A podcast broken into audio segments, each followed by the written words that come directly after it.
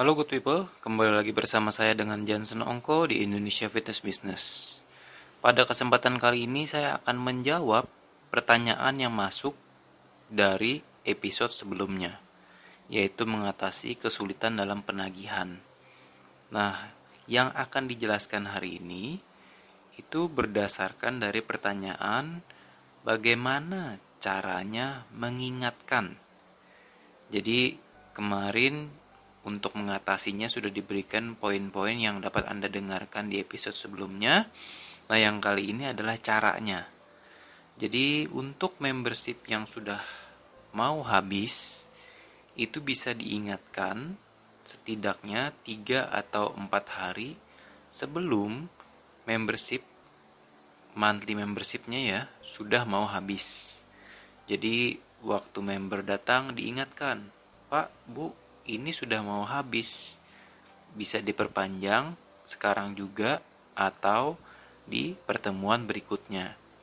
Nah, apabila setelah ya datangnya satu minggu kemudian dan sudah lewat satu dua hari, nanti Anda tinggal bilang bahwa membershipnya sudah lewat satu hari untuk perpanjangan atau dua hari untuk perpanjangan kalau dia menjawab iya nanti nanti belum bawa uang atau misalnya belum belum ini belum itu ya dibiarkan saja. Dan ingat jangan sampai menolak atau melarang member untuk berlatih. Karena bisa saja itu memang hal yang benar bukan alasan. Ini sebenarnya berdasarkan dari case yang ada di lapangan bukan hanya dilakukan oleh orang-orang yang bisa dibilang pendapatan terbatas bahkan orang-orang yang pendapatannya luar biasa berlebih pun bisa menunda-nunda untuk memperpanjang membership. Nah jadi tergantung sampai mana tingkat kesabaran kita untuk terus mengingatkan saja Begitu juga dengan sesi personal training. Misalnya sudah mau habis, tinggal 2-3 sesi. Seperti yang di episode lalu diingatkan, sudah mau habis, mau perpanjang berapa banyak, itu juga diingatkan kembali setiap sesinya. Sudah lewat diingatkan satu, sudah lebih satu kali, sudah lebih dua kali, bahkan mungkin sampai lebih dari enam kali. Berapa jaraknya berapa jauh atau berapa sesi batas toleransinya itu tergantung dari kebijakan uh, Anda masing-masing. Ada yang mungkin satu dua bulan masih oke, okay, ya tergantung ya. Ada juga yang sudah lewat 10 sesi masih oke. Okay. Intinya adalah selama Anda masih bisa merasa si klien tersebut uh, akan bayar suatu hari nanti ya tidak apa-apa diberikan terus uh, ini ya perpanjangan keringanan. Tapi yang bisa kita lakukan adalah hanya mengingatkan terus-terusan. Jadi intinya adalah pastikan tidak sampai merugikan bisnis kita. Itu satu. Kedua, tidak sampai membuat klien lain atau member lain ikut-ikutan. Wah, itu bisa diutangin sampai 1-2 bulan atau berapa sesi Nah, itu jangan sampai isu-isu negatif itu uh, juga dilakukan uh, sampai ke telinga member yang lain dan member yang lain ikut-ikutan nantinya.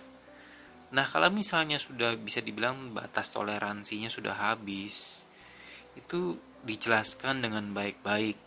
Jelaskan ya mungkin karena membership rules-nya sudah menyatakan kalau lewat dari certain time itu tidak bisa diperpanjang atau tidak boleh datang kembali atau uh, kalau untuk yang PT nanti slot waktunya akan di available-kan untuk member yang lain itu juga bisa diberitahukan begitu.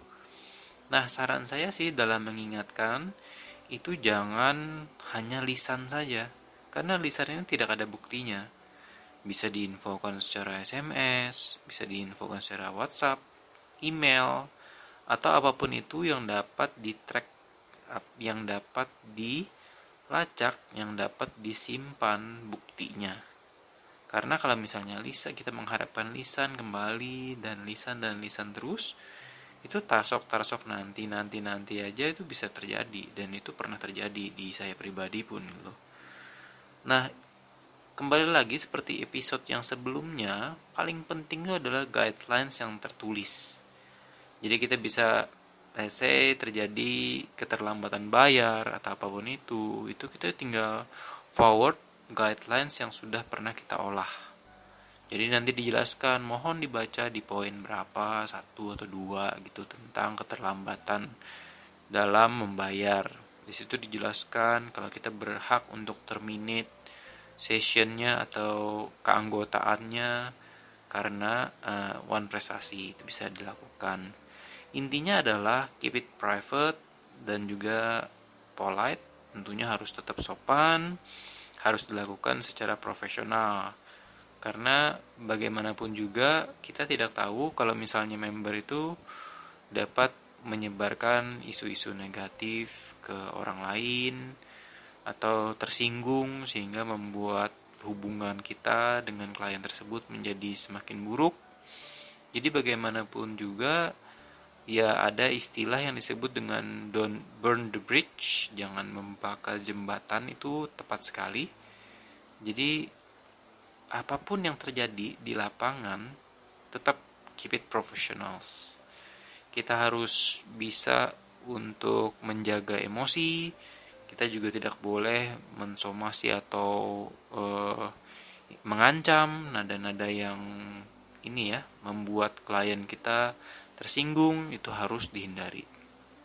Jadi kembali lagi semakin uh, ini ya semakin sulit untuk ditagih itu perlu dicari cara-caranya yang misalnya cara ini tidak efektif kita bisa menggunakan cara yang lain atau mungkin kalau misalnya dia datang dengan temennya bisa diingatkan dong temennya itu belum bayar gitu.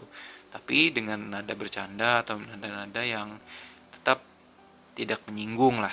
Itu kalau misalnya sampai less less resort lah jangan jangan selalu digunakan juga. Karena bisa saja uh, member kita tersinggung kok kamu ngomong-ngomong ke teman saya? gitu. Jadi intinya keep it private.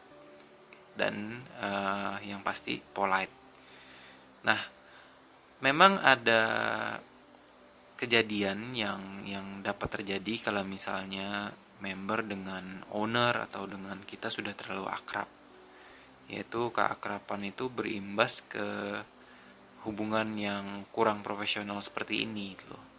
Jadi uh, saran saya adalah bagaimanapun juga kita harus bisa uh, menjaga jarak dengan member kita. Akrab boleh, tapi ingat kalau misalnya sudah berhubungan dengan transaksi, terutama yang berhubungan dengan uang itu sensitif. Jadi kita harus lebih hati-hati. Guideline tetap dibutuhkan dan jangan lupa tetap polite. Nah itu aja uh, jawaban saya untuk pertanyaan yang menanyakan caranya. Semoga bermanfaat dan sampai jumpa di episode berikutnya. Terima kasih.